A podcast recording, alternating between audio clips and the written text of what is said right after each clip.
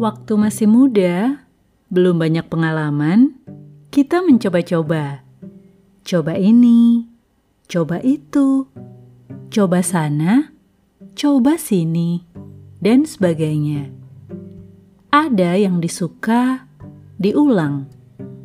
Nggak suka, cari yang lain lagi. Begitu terus, sampai akhirnya menemukan atau mendapatkan yang benar-benar disuka. Perlu waktu dan percobaan berulang kali sampai kita tahu mana yang benar-benar kita suka, cocok dengan kita. Jika saat ini kondisimu masih belum serak, enak di hati, nggak apa-apa. Itu semua proses perjalanan.